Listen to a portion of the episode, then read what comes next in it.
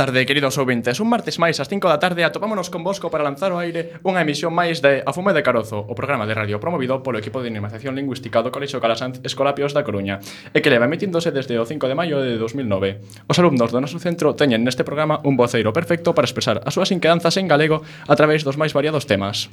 A literatura galega é unha das poucas, probablemente a única, que se atopa edificada sobre os ombreiros dunha muller Iso ten aínda moito máis mérito se temos en conta os silenciadas que estiveron as mulleres en todas as artes e disciplinas, e no caso da lingua galega aínda máis, por significar o resurdimento despois dos tenebrosos séculos escuros. Por todas estas razóns, lembrar unha vez máis a figura de Rosalía de Castro, a musa da nosa poesía, nunca é unha perda de tempo.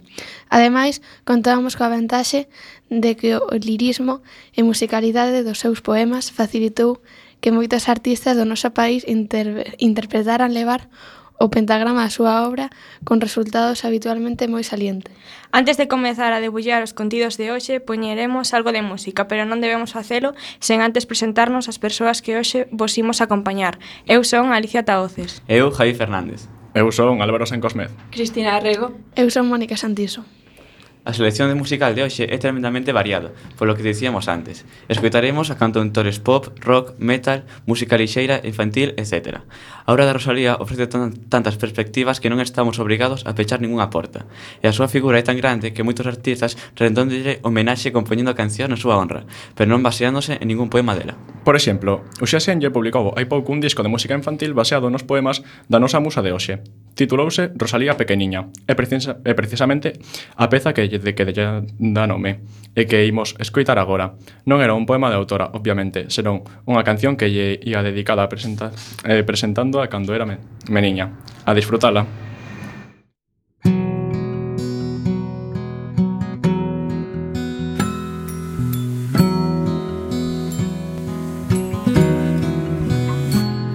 Rosalía pequeniña soñaba con ser pirata, a pequeña Rosalía escribía na nosa fala A meniña silandeira A da fala la ve mai niña Pequeniña, pequeneira Unha meniña gaiteira. Rosalía, pequeniña Medio meiga, medio fada O peda de Silveira Chamando pola alborada A rebelde revoldeira Non é musa nin postal Sube as pontas tendas das figueiras E ali deitase a soñar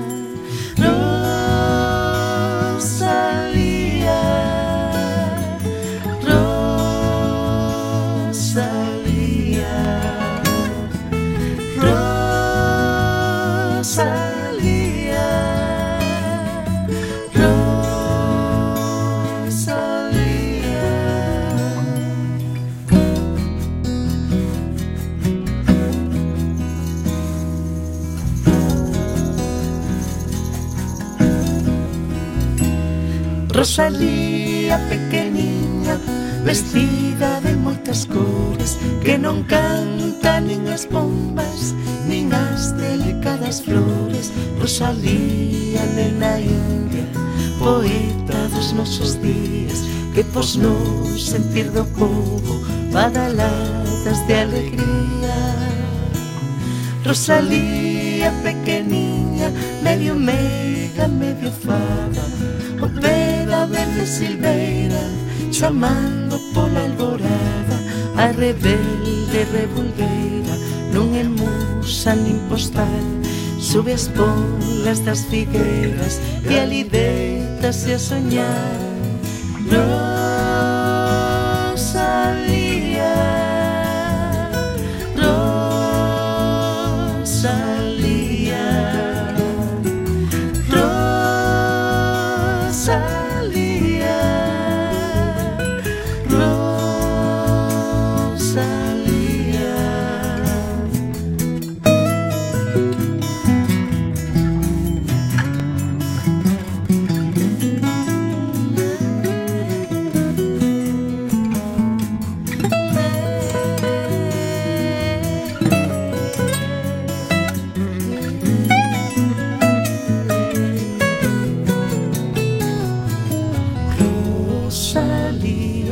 Rosa, Rosalía, Rosalía, Rosa, Rosa.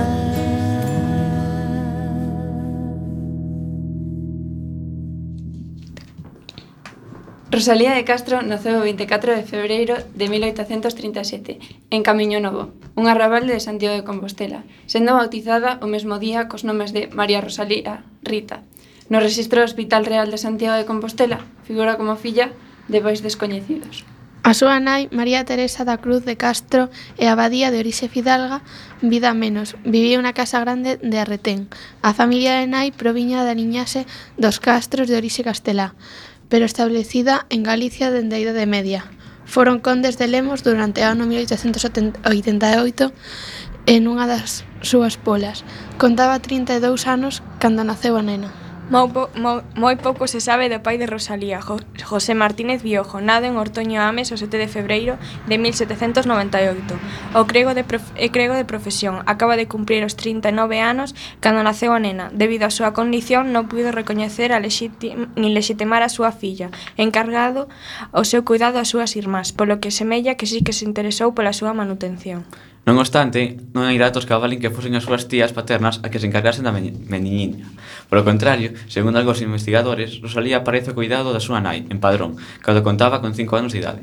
Nos seus primeiros anos, Rosalía viveu unha infancia leda nas vilas rurais de Ortoño e Padrón. Nunha das pasaxes bibliográficas dun dos seus poemas de cantares galegos, Castro bota unha hallado de nostálxica a casa de Retén, casa de Iria Ilbe, Iria Fable, Flavia, onde viviu tempadas canda a súa nai entre os 9 e 15 anos. Unha infancia lembrada por cancións, risas e as badaladas das campas que contrasta co silencio desolado que agora predomina sobre o seu, sobre o seu lugar. Nalgúnha prosa costumista de 1881, Rosalía fala da ledicia de estar coa súa nai nas Torres de Hermida en Lestrobe, fogar de Josefa, irmá da nai de Rosalía e do seu home Gregorio. Nun artigo de Murguía escrito tal a morte da súa dona, publicado como capítulo En Los precursores, de 1875, Murguía afirma que a ledicia da súa mocidade foi axiña interrompida coa chegada da puberdade aos 11 anos de idade. Non se sabe exactamente cando a nai e filla se trasladaron a Compostela, pero sí que en 1850 vivían nai e filla nesa cidade. Ali comeza a formarse en torno á Sociedade Económica de Amigos del País. En Santiago recibe formación musical, artística e literaria. Participou nas actividades do Liceo de la Juventud, lugar de encontro dos intelectuais comprometidos co movimento provincialista. As súas correntes ideolóxicas que impregnaban a obra de Rosalía eran o socialismo e o republicanismo. No liceo coincidiría con Eduardo Pontal, Aurelio Aguirre e Juan Manuel Paz Nova. En 1856 trasladouse a Madrid, onde viviu cunha curma. Comezou a publicar e, en 1858, casou con Manuel Murguía, escritor. A vida do matrimonio fíxose itinerante debido aos cargos funcionarios de Murguía. En 1859 regresaron a Galicia onde naceu Alejandra, a súa primeira filla. No mesmo ano volveron de novo a Madrid e publicou obras en galego e castelán. Logo duns anos en Madrid trasladouse a Lugo e despois volveron a Madrid. As actividades do seu, em, de seu home leváronos por diferentes lugares. Simancas, A Coruña, 1871-1878, Compostela, Lestrobe, 1879-1883, residindo no Pazo de Hermida, Extremadura, Alacant, e metres foron nacendo máis fillos. Aura, nada de nacemento en 1868 e morreu en 1942. Gala e Ovidio, xemelgos, naceron en xullo de 1871. Gala morreu en 1964 e Ovidio en 1900. Amara, nada en xullo de 1800 1873, morreu en 1921. Adriano Norato Alejandro, nado en marzo de 1875, morreu en novembro de 1876 debido a unha caída. E Valentina, nada morta en febreiro de 1877. Antes de proseguir coa vida e obra de Rosalía, imos escoitar outra canción máis. Nesta ocasión, a letra é unha mestura de poemas de Rosalía e da homenaxe dos músicos. Imos escoitar a canción Noite Negra, interpretada polo grupo Fía na Roca, coa magistral voz de Sonia Lewandowski.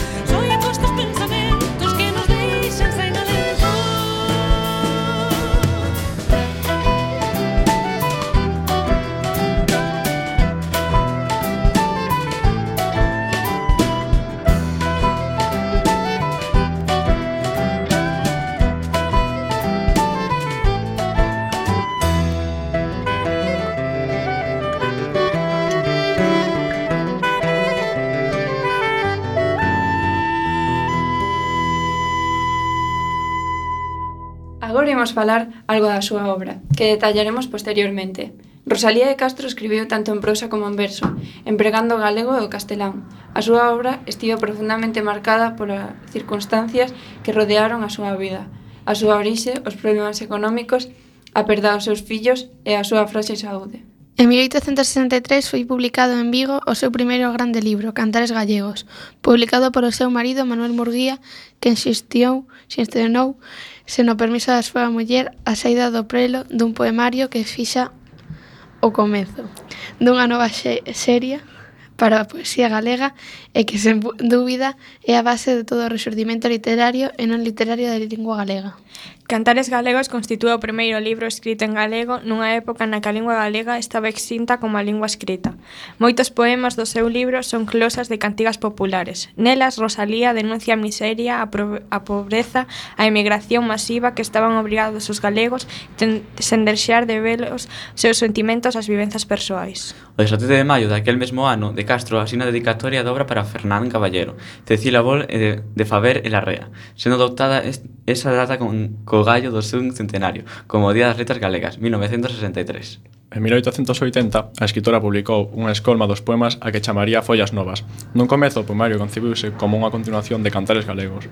O 40% dos poemas de Follas Novas teñen afinidade co texto publicado en 1863, mentres que o resto das composicións presentan un diferente espírito poético motivado polo afastamento da terra, as desgracias familiares e as doenzas físicas e morais.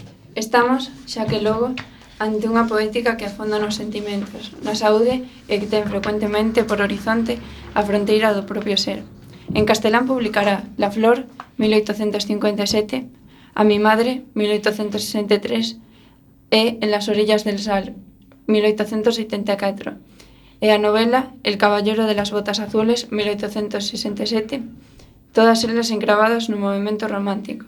Tamén se conserva un breve fragmento dunha obra de teatro escrita en castelán, romana, que pola súa correspondencia privada sábese que a terminou, aínda que debe estar en as obras da escritora queimada da súa morte. Voltando á súa vida, Rosalía botou os, seres, os seus derradeiros anos en Padrón, onde a familia alugara a casa de Matanza, que despois se convertiu tería a casa museo. A morte do seu fillo máis novo, os dous anos, por mor dun accidente e a súa enfermidade amargaronlle os derradeiros anos. Morreu de cancro en 1875, aos 48 anos na súa casa de Padrón, a cal é hoxe un museo. Rosalía foi sosterrada no Camposanto da Dina. Anos máis tarde, en 1891, os seus restos foron trasladados ao actual Panteón de Galegos Ilustres, na igrexa de San Domingos, de Bonaval, en Santiago de Compostela. Recibeu con fervor os santos sacramentos, recitando en voz baixa as súas predilectas oracións.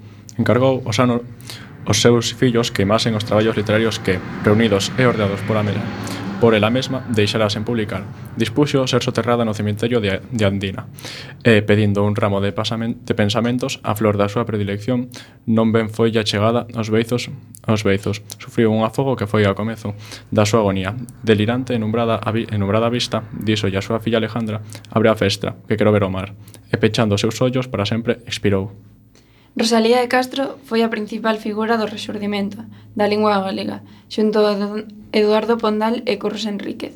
Precisamente este último, en agradecemento, compuxo unha sentida poesía a Rosalía de Castro que foi musicada con moitas en moitas ocasións. Por exemplo, un grupo de pop chamado Julián Ross compuxo esta maravilla. Música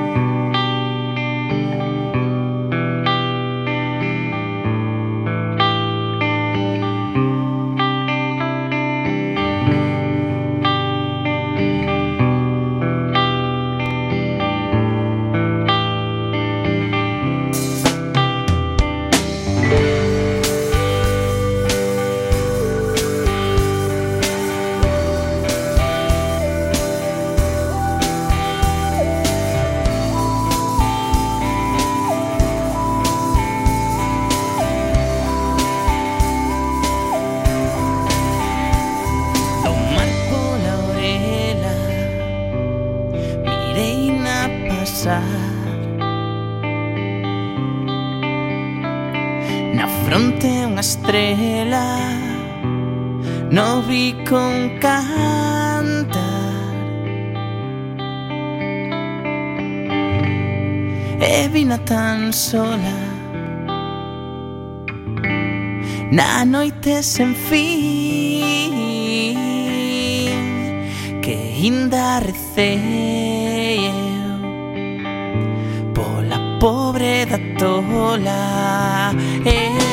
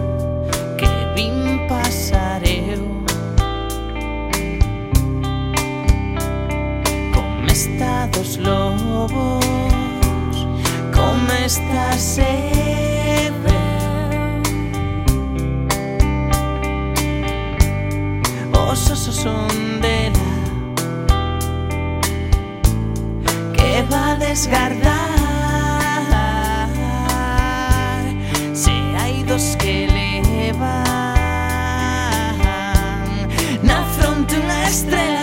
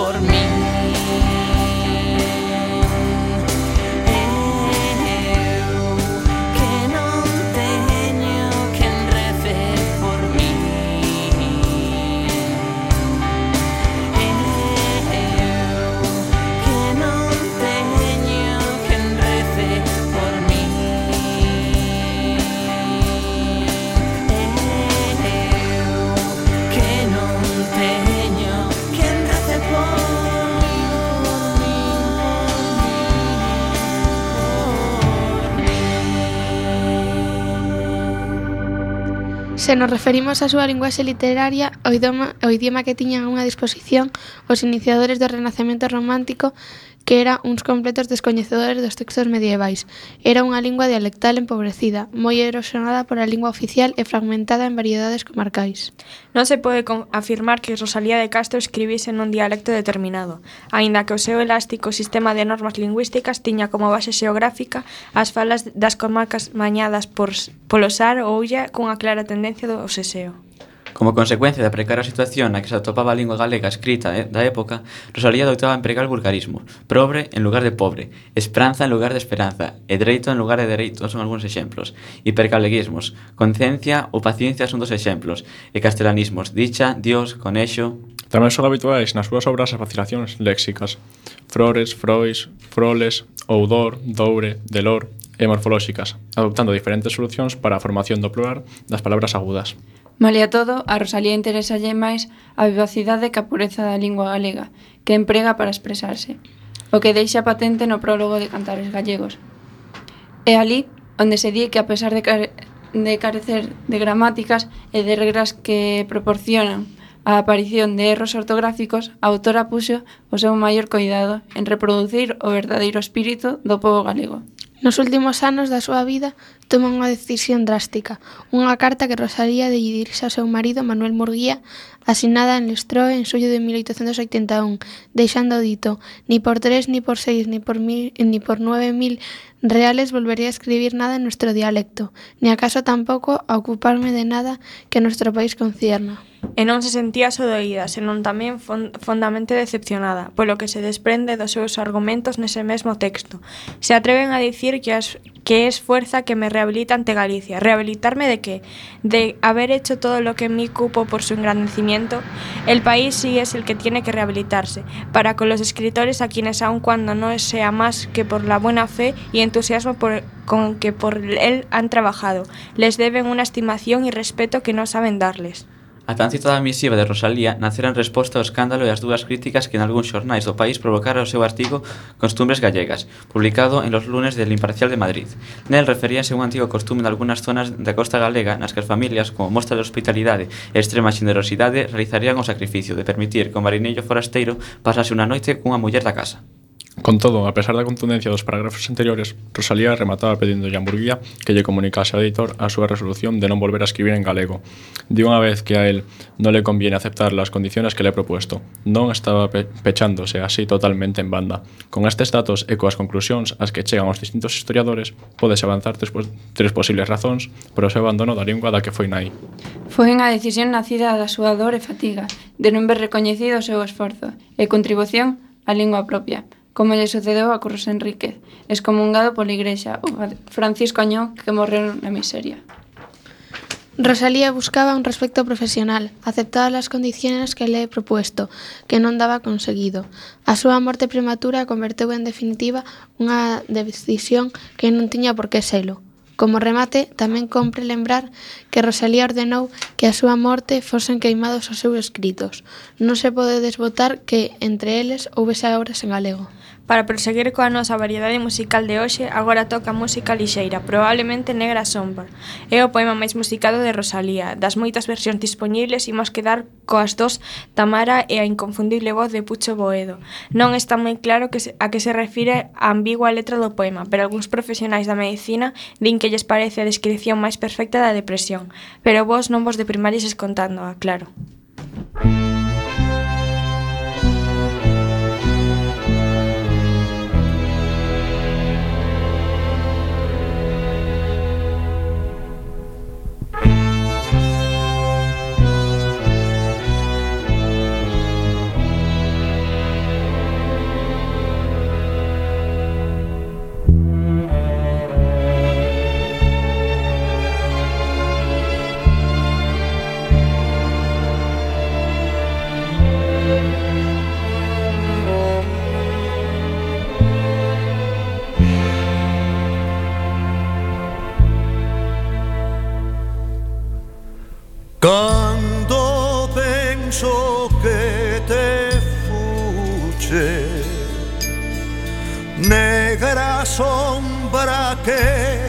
más sombras.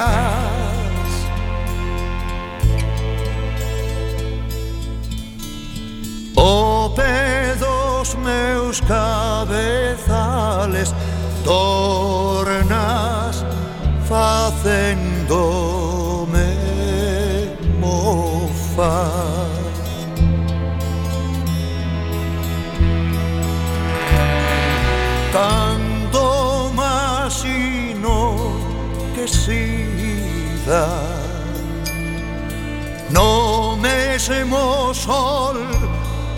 te mostrarás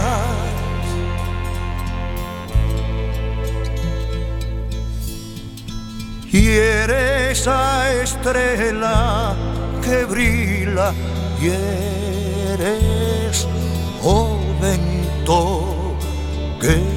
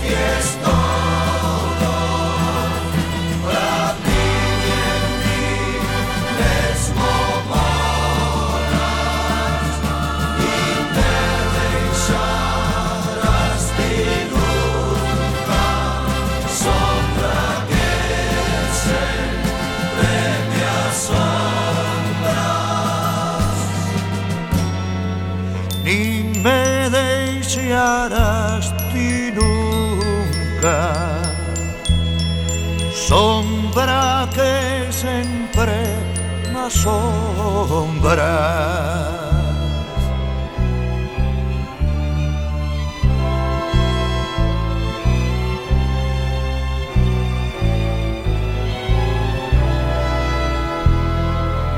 En todo estás ti es todo Para mí en mí mesmo mora.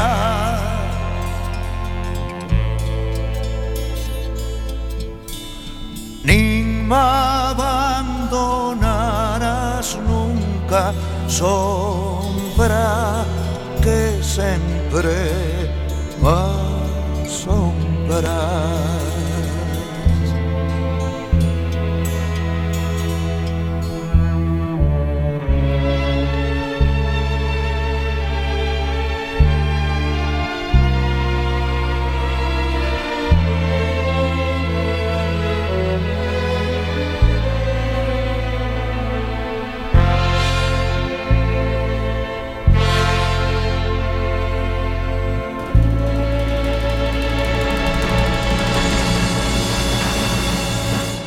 Non estaría de máis que lembremos a importancia e significado da súa obra en galego. Coa publicación de Cantares Galegos no ano 1863 acadouse o fito cumio do resurgimento das letras galegas. Asemade, marcouse un punto de inflexión na historia da literatura galega.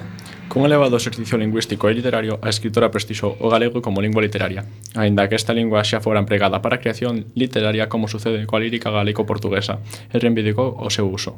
Ademais, por medio dos temas tratados en Cantares Gallegos, Rosalía outorga a súa obra un carácter sociopolítico, reflectindo as súas duras e pésimas condicións baixo as que se atopaba a sociedade rural galega. Ao mesmo tempo que reivindicaba a lingua galega fronte ao castelán e a Galicia fronte a España. Pódese dicir que Rosalía pretendeu defender e descubrir a cultura e a identidade galega, as cales foron obviadas pola ideoloxía centralista estatal. A pegada de cantares gallegos quedou reflectida tanto na posterioridade productiva, literaria como no mesmo povo galego, que ao verse reflectido na obra de Rosalía tomou consciencia da súa propia dignidade. O éxito do libro debeuse a extraordinaria conexión que existiu entre a escritora e as xentes do seu país, chegándose ao extremo de que o povo chegou a asumir un gran número de poemas e estrofas como versos comunitarios. Con Follas novas, Rosalía creou un universo novo extremadamente persoal, no que o puro lirismo intimista acada cada máis alta realización artística, alén das vivencias estéticas, nunha continua e angustia pregunta sobre o sentido da existencia humana. A poesía que se recolle nesta obra revela a conflictividade do mundo que non existen valores eternos e verdades absolutas, e onde o ser humano atopase totalmente só. É a comis cosmovisión pesimista e a angustia a que trasluce e a criste de valores da sociedade capitalista frente á seguridade da sociedade patriarcal, que aparece en descomposición pola acción daquela.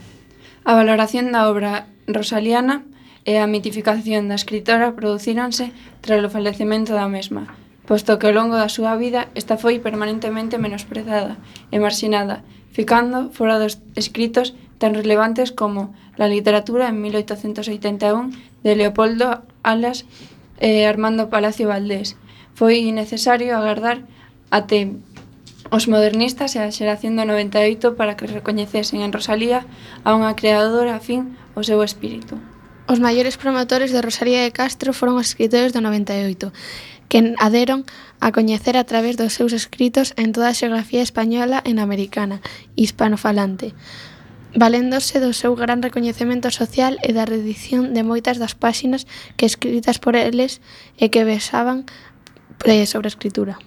Principalmente foron Azorín e Miguel de Unamuno os máis acérrimos valoradores de Rosalía, que lle dedicaron entre 1911 e 1912 un total de seis artigos que versaban sobre a escritora galega. O resto de literarios da xeración do 98 non se pronunciaron a favor de Rosalía de Castro, e se, e se o fixeron foi dunha forma moi tenue, como fixo Antonio Machado, cunha lacónica e tardía observación sobre a poetisa.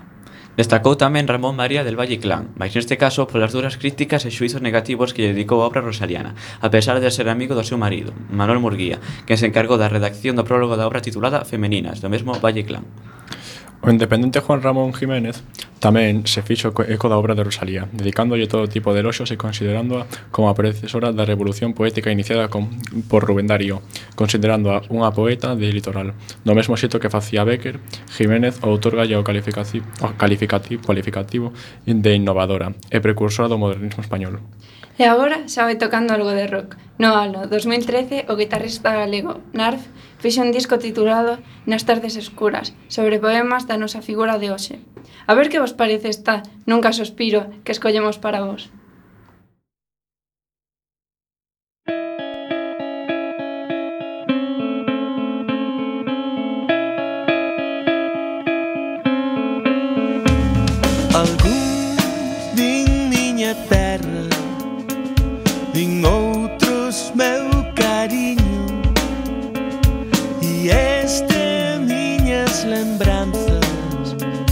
E aquelos meus amigos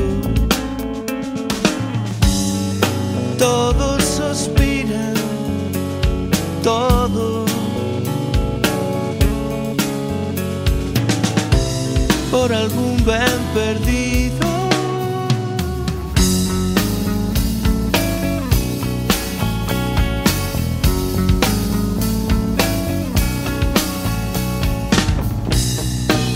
Só non digo nada. Eu só nunca suspiro. Eu só non digo nada. Eu só nunca suspiro.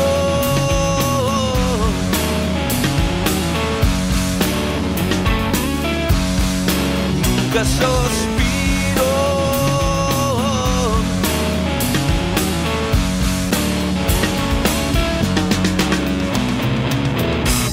Que o meu corpo de terra e o meu cansado espírito onde quer que eu vaya, van comigo, van comigo.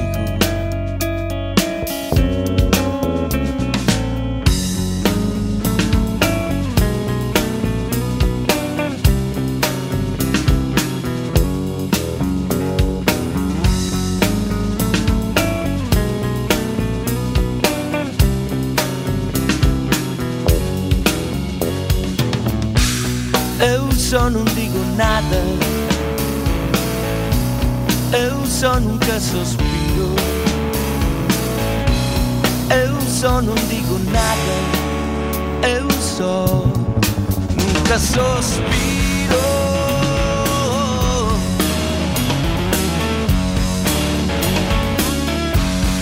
Nunca suspiro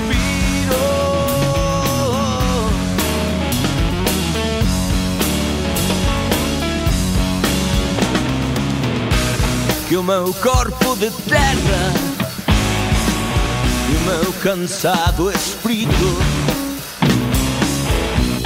onde quer que eu vaya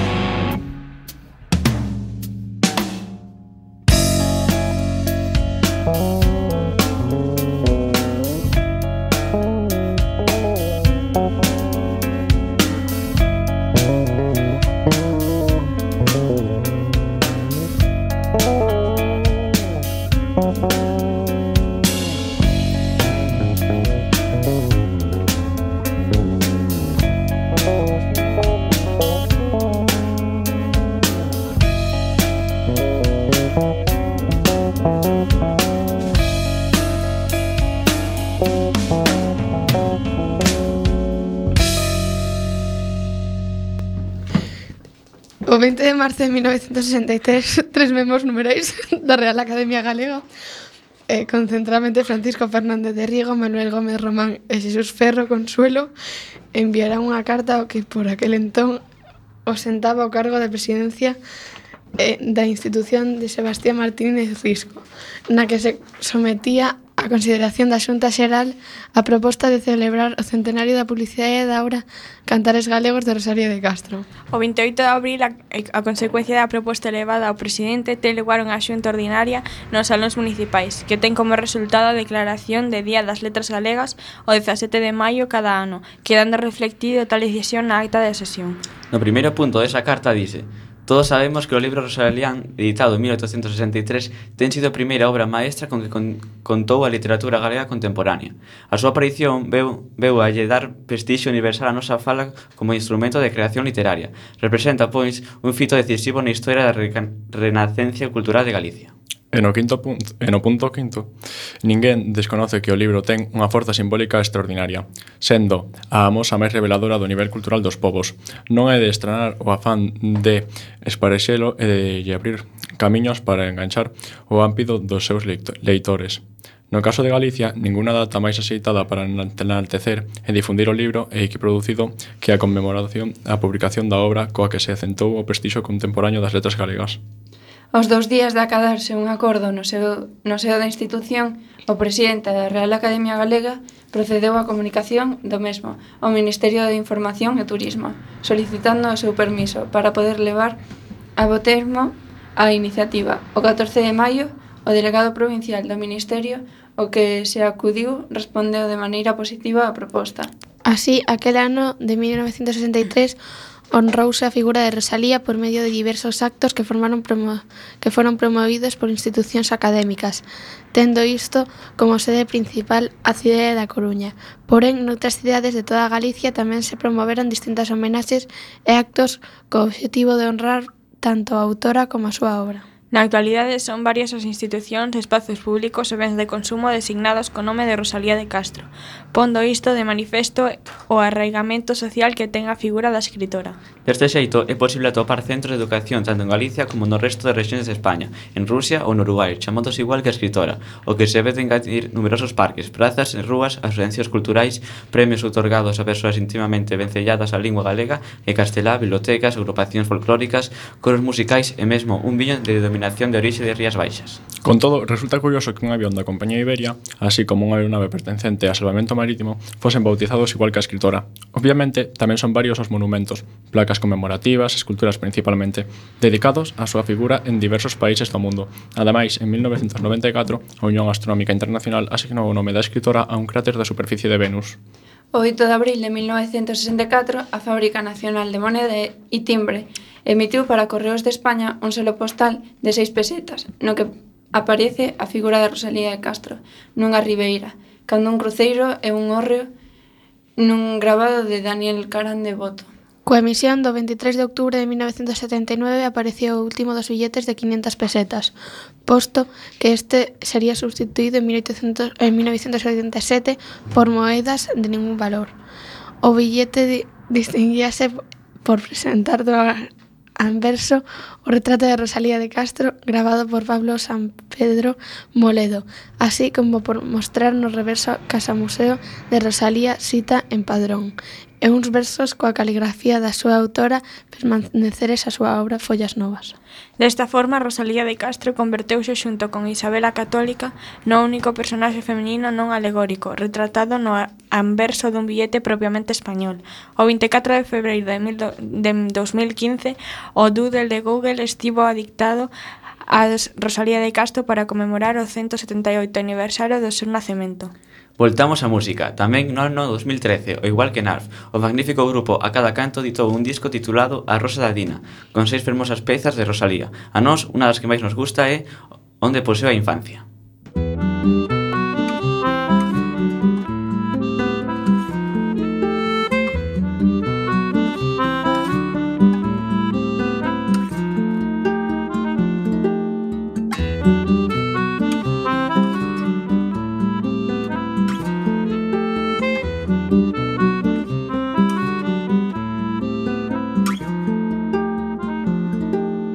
Como chove miudiño Como miudiño chove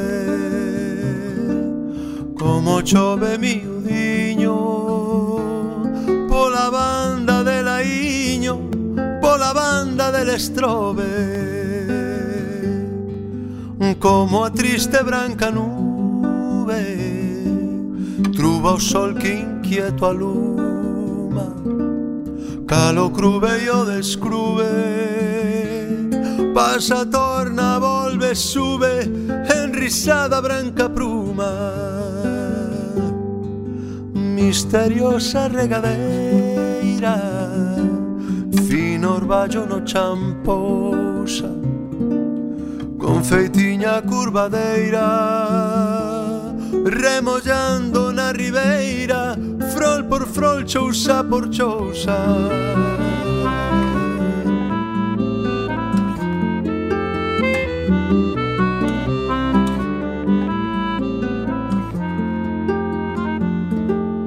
Como chove miudiño Polas veigas de campaña Cal se enxugan de camiño Os cervales de la como a ponte en sol se baña Para caldas todo escuro Ceo azul o senadina Transparente, limpo e puro Da retén no monte duro Nube corre peregrina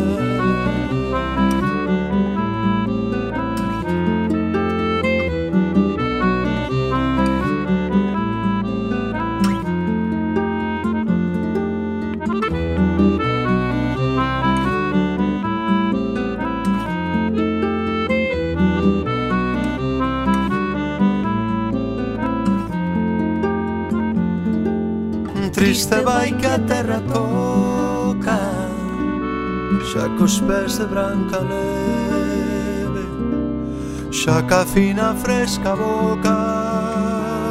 Triste vai que os deus invoca e a bicar o chan se atreve.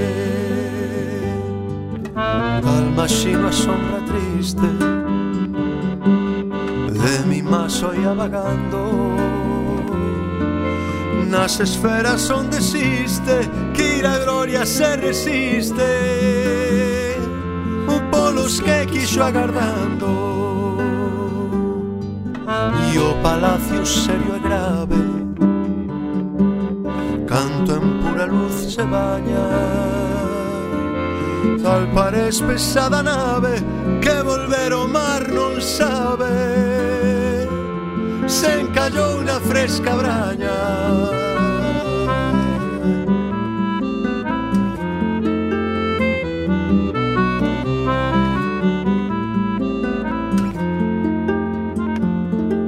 Un beso valga beira hermosa dun camiño todo prata casta virxe candorosa. Sentadiña en chan de rosa Vestidiña de escarlata. Nesta terra tal encanto Se respira triste un prove.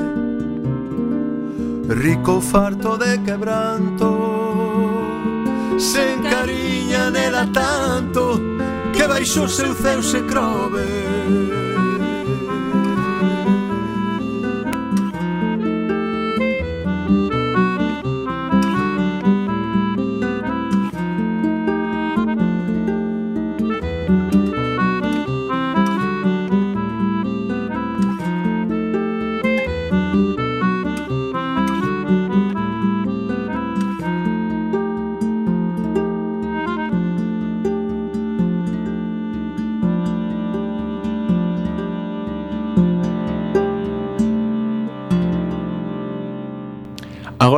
ollar todas as obras que publicou. A pesar de ser nai da literatura galega, foron moi poucas as obras que escribiu na nosa lingua. En prosa só publicou Contos da miña terra 1. En poesía só publicou os dous libros esenciais que xa foron mencionados, Cantares Gallegos na imprenta de Juan Compañel, Vigo, 1863, e Follas Novas, La propaganda literaria de La Habana, Madrid, 1880. Pois Pola contra, en castelán publicou bastantes máis, aínda que, como poides escoitar, tamén tardou bastante en ser recoñecida. En poesía publicou La Flor, imprenta de Manuel González Madrid, 1857, A mi madre, imprenta de Compañel Vigo, 1863, en Las orillas del Sar, imprenta de Ricardo Fe, Madrid, 1884. En canto a prosa tivo unha maior produción: La hija del mar, imprenta de Compañel Vigo (1859), Flavio, publicada por entregas no semanario La crónica de ambos mundos, Madrid (1861), Las lit lit literatas, imprenta de Soto Freire Lugo (1865). El Cadiceño, en el Almanaque de Galicia, Lugo, 1866. Ruinas, publicada por entregas en el Museo Contemporáneo Madrid, 1866. El Caballero de las Botas Azules, imprenta de Soto Freire, Lugo, 1867. El primer loco, imprenta y librería Moya y Plaza, Madrid, 1881. El Domingo de Ramos, apéndice del el primer loco, 1881. Padrón y las inundaciones, la ilustración gallega e asturiana, Madrid, 1881. Mas non debemos pensar en Rosalía como unha poeta local totalmente descoñecida no exterior, ni moito menos. É tal a aceptación e o interese que as obras desta escritora experta no mundo que nas últimas décadas os seus poemas foron traducidos a linguas como o inglés, o francés, o alemán, o ruso, o xaponés, o italiano e o catalán. Non podíamos rematar o programa sen poñer algunha canción do cantautor berciano Amarcio Prada, que xa no ano 1975 gravou un disco que se consideraba unha obra mestra da música de Rosal Rosaliana. Sendo moi difícil escoller, quedámonos con Adiós ríos, adiós fontes.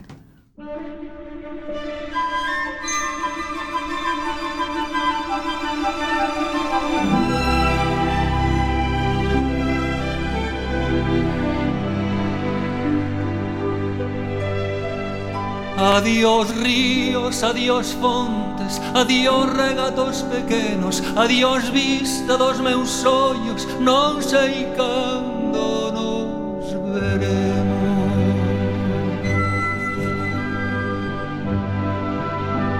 Miña terra, miña terra, terra donde me eu criei.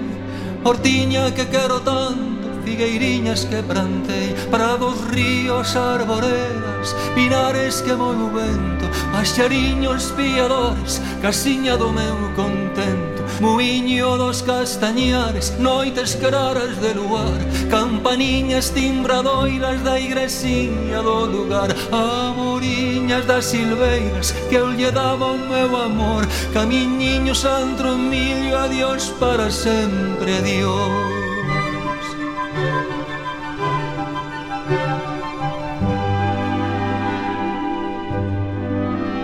Adiós gloria, adiós contento. Deixo a casa onde nacín Deixo a aldea que conozco por un mundo que non vin. Deixo amigos por extraños, deixo a veiga polo mar. Deixo en fin canto ben quero que pudera non deixar. Adiós, adiós, que me vou. Erviñas do Campo Santo, donde meu pai se enterrou. Erviñas que viquei tanto, terriña que nos criou.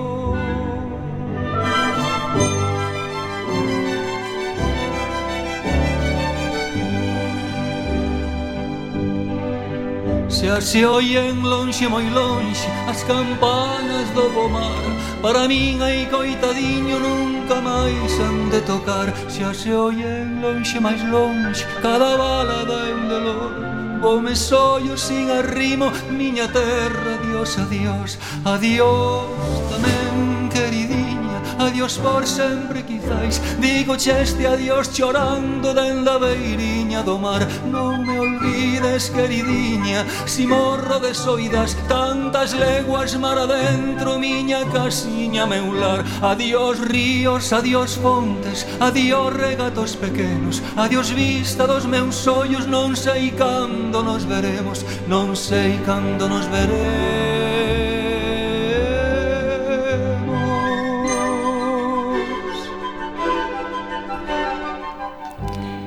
Chegou a hora de rematar o programa de hoxe. Lembrade que todos os martes ás 5 da tarde o equipo de dinamización da lingua galega do Colexio Calasán Escolapios da Coruña emite este programa a fume de carozo realizando por alumnos do noso centro. Hoxe os presentadores fomos Alicia Tagoces, Javier Fernández, Álvaro Sancosmed, Cristina Rego e Mónica Santiso. ¡A fume de carozo!